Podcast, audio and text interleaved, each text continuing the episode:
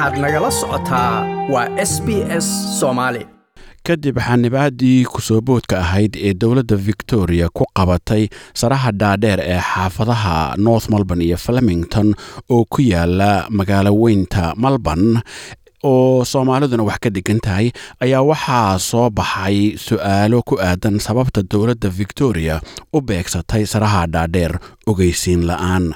Dadka qaar baa ka cawday sida gaarka ee dowladda u beegsatay guryaha oo inta badan ay degan yihiin dad soo galootiyah iyaga oo qaarkood ku tilmaameen takoorid. Laakiin markii mawjadii saddexaad ee sanadkani dilaacday waa covid dowladda victoria waxay saraha u gaar yeeshay adeegyo bulsho oo ay ka mid yihiin in la siiyo mudnaan gaar ah oo tallaalka covid nteen iyada oo saraha qudhooda ama meelo ku dhowdhow laga furay goobo tallaalka ay ka qaadan karaan.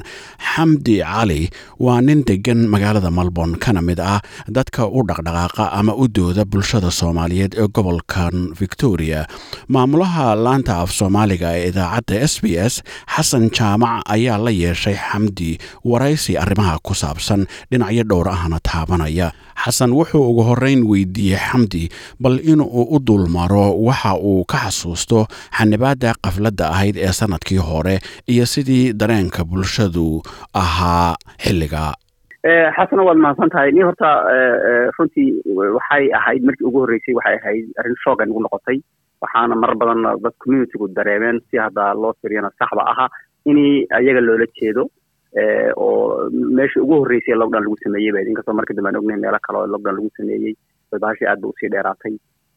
Xagga xidhiirkaasna lala lahaa communityga ay la lahaayeen khaasatan hay'adda u xilsaaran guryaha ay degan yihiin oo iyaduna hay'ad weyn ahayd way iyadana xiriirkooda aad iyo aad bu u yaraa. Communityo kale oo iyagana na matala oon ahayn communitygeena aan ahayn oo macnaha waxa la dhaho non government agencies ayaa iyagana jiray oo markaa sii complicate garaysa xiriirka ay communitygu lalahaayeen la lahaan lahaayeen maaragtay dowladda iyo waxa dhacaya. Marka runtii weli sidii waxaan is leeyahay la rabay ogameena faa'iidaysanin waxa u baahan fine tuning baa weli jira. Laakiin se xagga dowladda ayada waxaan dhihi karaa anuu dadaal badan bay bixinaysaa oo oo la dareemay. Hadda xaafadda north melbourne iyo filmington oo lahayd labadii lockdownka ku dhacay ee ugu darayd hay'ad baa loo sameeyey. Hay'addaasoo ruux director ahaa gaarkiisa loo sameeyey oo doonahaya inuu communitygu dareenkoodu uu maaragtay dhegaysto dad communityga ahana oo maaragtay soomaaliya east african khaasatan jamaali ahana ay ka shaqaynayaan. Marka taasi waa positive.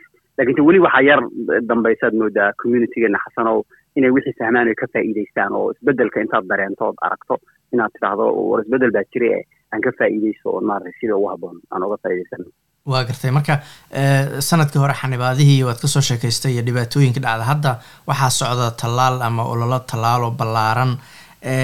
Markay noqoto saraha dhaadheer ama ha noqoto kuwa carlton ama flemington ama north melbourne tallaalkaasu sidee u socdaa?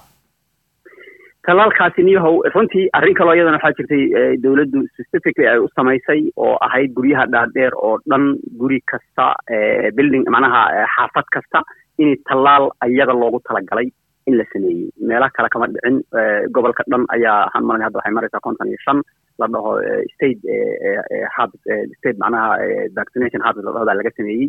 Laakiinse guryahan dhaadheer carlton north melbourne filmington at least waxaa mid kastaba la dhigay xarun lagu tallaalo.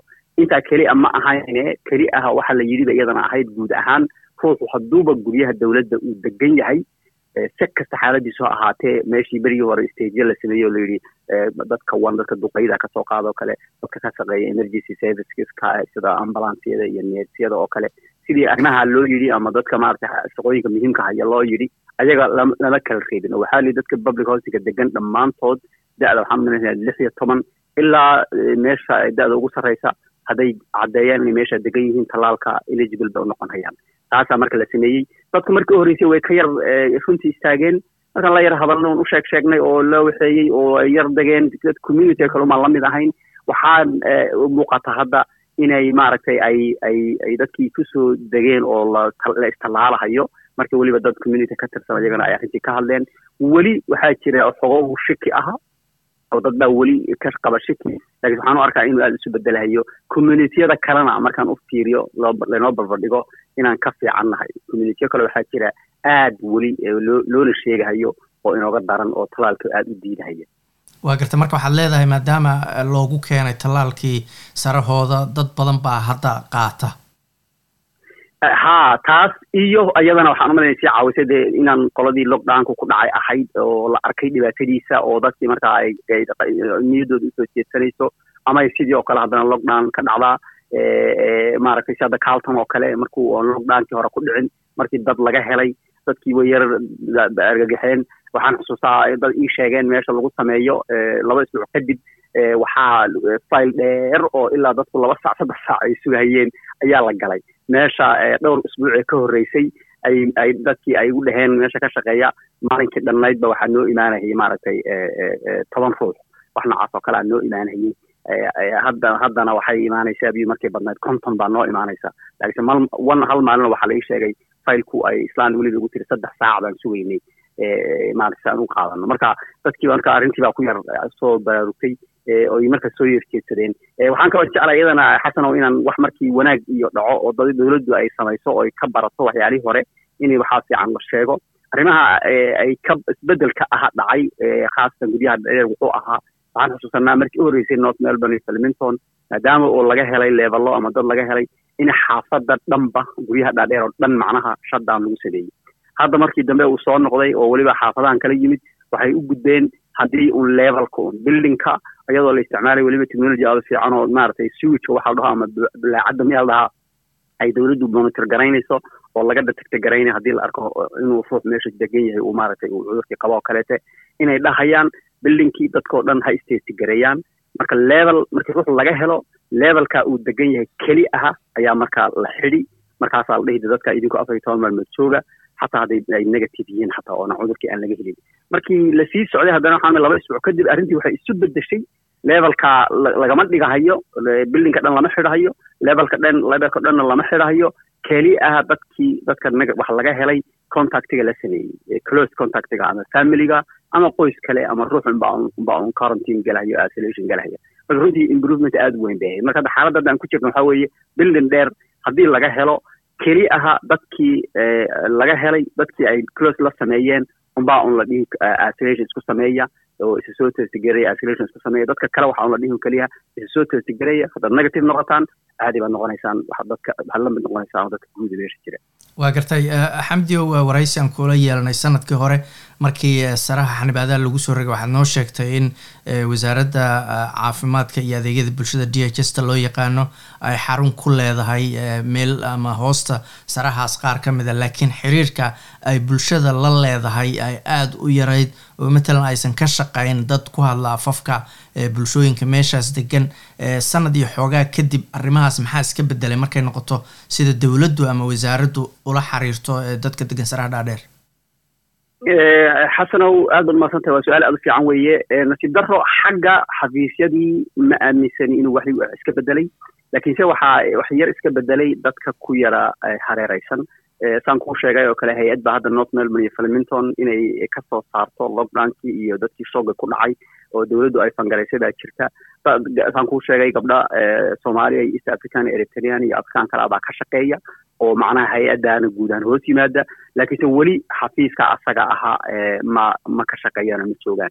Kolley waa la dhihi karaa isbeddel hadda waqti lama helin oo hadda lockdownkii fursadda lama helin hadda xafiisyadii maba shaqaalii toos oo maba yimaadaan hadday yimaadaan xataa albaabada xiran iyo telefoon baa lagula hadlaa mooyaane looma tago oo marka laga yaabo inay dib wax iska bedeli doono. Laakiinse xaggaa waxba iskama bedelin laakiinse waxaa kale iska bedelo arrinta aan kuu sheegay hay'addaa la sameeyey iyo hay'addii runtii d h s ahayd hadda ma oho f f h wax noocaas ka hadlay tahay erigama garanaye. Waxa weeye waa laga saaray. Hay'ad beriga waxay ahayd aad u weyn oo caafimaadka iyo guryaha iyo kuwo kale isu keento oo aad u weyn bay ahayd. Hadda hay'addii guryaha iyo familiga wax la dhahaa la sameeyey. Family and housing fairness family and fairness and housing wax dhahaa la sameeyey oo gaarkeeda u taagan oo marka la wareegtay wixii oo dhan. Marka taa waxaan rajaynaynaa inuu isbeddel ka imaan hayo. Marka lockdownka laga baxo sanadka dambe iyo wixii la mid ahaa waxaan ku boorin lahaa communitygu in arrintaasi sidii looga faa'iidaysan lahaa. Ee su'aalo loo su'aali lahaa in macnaa loo loo jahaysto oo maaragtay fursadda laga faa'iidaysto oo marka ay tahay macnaheedu madaxdii marka hore responsibleka u ahayd ee mas'uulkeed wax aada u weyn ayaa hadda meel ka yar responsible oo maaragtay waajahaysa oo markaa u baahan tahay dad wax su'aasho macnaheedu tahay dad wax su'aasho inay ruuxii madaxda ay gaadho oo maaragtay aad jawaab hesho ama dii kale lagu fikiro ay u badan tahay. Waa gartay waxyaalihii sanadka hore dhacay waxyaalaha laga bartay ama dowladdu ay soo rogtay waxaa ka mid ah in qoysaska ballaaran oo carruurta badan leh loo ballan qaaday ama la yiri xaafado kale layna dejinaya haddii aad rabtaan muddo laba sano ah. Barnaamijkaas ma aha barnaamij habboon oo fiican. Dad badanse ma ka faa'iidaysteen bay kula tahay intaad og tahay iyo dad baa xasan oo arrintaa qaatay weli maadaama xidhiidh lockdown badan aan ku jirnay dadki inay is arkaan oo maaragtay si dhaba loo ogaado dareenkooda waxa uu yahay lama helin. Laakiin se intaan maqlahay dad baa qaatay. Waxaa igu maqalla ah dadka qaarkood guryihii inay noqdeenba guryo ay dowladdu leedahay. Kuwa qaarkoodna guryo kira aha inay yihiin oo dowladdu ay u kiraysay.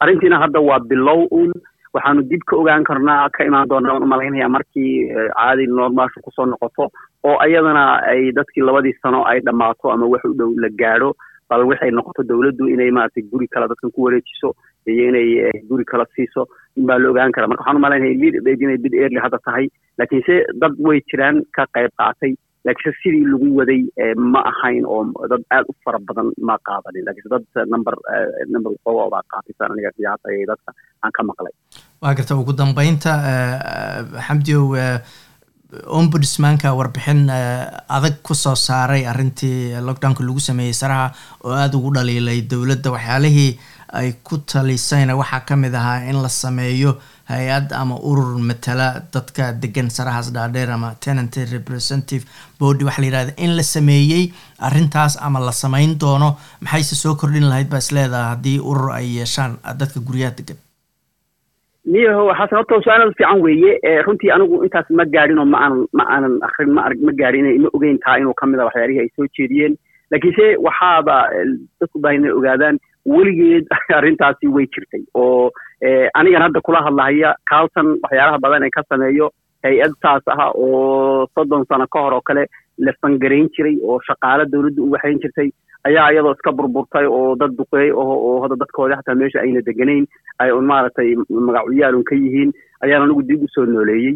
Waxyaalo badan bayna qaban kartaa oo runtii ii suurtagelisay inaad cod u noqoto oo ofishaala dadka oo hadalkaaga laga dhegaysto laakiinse dhibaatadeedana waa iska qabtaa oo ma jirto mushaar ma jiro result saasa ma jirto. Waxa ugu badan ee dowladdu kaa bixin waxaa weeye un telefoonka iyo iyo internetka baa laydinkaga waxaynaya. Marka horta way jirtay arrintu laakiinse se waxaa su'aashu dadku si uga faa'iidaystaan arrintaana hay'adda hadda aan kuu sheegahayo oo la dhaho baby the way forward. Waan mar arkay newsletterkoodii iyadoo ku qoran wax baan u malaynaya arrimaha ku saabsan inay samaynayaan laakiinse sidiisuba maxaa la dhahaa xasanow ruux maxaa la jiray? Waxaa biyaha waa la keeni kara laaslama cabsiin karo. Wuxuu awalba waa jiray waa lagu samayna waa lagu dhihi karaa. Laakiinse haddaadan adiga dhaqaaqin oodan is-organise garaynin oodan nidaamkii baranin oodan dhexgelin oodan kacakufin way adag tahay si wax u socdaa marka inay anigu oma arkin wax cusub hadda inuu yahay taasi waxaan loo baahan yihiin inay dadku istaagaan. Aadna ay xoogga u saaraan inaan la matelin dhibaatooyinka ugu weyn innagana hayse waxaa weeye khaasatan soomaalida sida kale waan ku fiicannahay energy baanu leenahay runtii waan qab baanu leenahay maskax baanu leenahay. Laakiinse malihin maaragtay kansho aan wax ku sugno oon wax ku baranno. Meeshii baad soo istaagi haddaad wax yar ka fahmi weydo waad ka dhaqaaqay waad ka soconi. Marka ma fahmaysid ma qab la qabsanaysid waxa jira ma garanaysid. Marka dadku inay wixii nidaamkii fahmaan waxyaalaha lagaa rabo in la ogaado codka la la hadlo lala macaamilo. Wixii marka wuu samaysmahayaa marka hadday arrintaas saa u jirto waa arrin fiican weeye runtii. Laakiinse iyadoon dadku aynan fahmin oo aynan ka faa'iidaysanin dowlad baa samaynaysa wax weyn ma keenaysa saan u arko. Hadday sameeyaanna waxay noqonaysaa un dad kale oo awalba siday lanoo mateli jiray ku matalahayo oon adiga kaa tirsanayn o kaasina wuxuu ahaa xamdi cali oo xasan jaamac uga warramayay arrimaha covid iyo tallaalada ee bulshada soomaaliyeed ee degan gobolkan victoria ma doonaysaa sheekooyinkan oo kale. Ka dhegayso apple podcast google podcast spotify ama meel kasta oo aad podcastigaaga ka hesho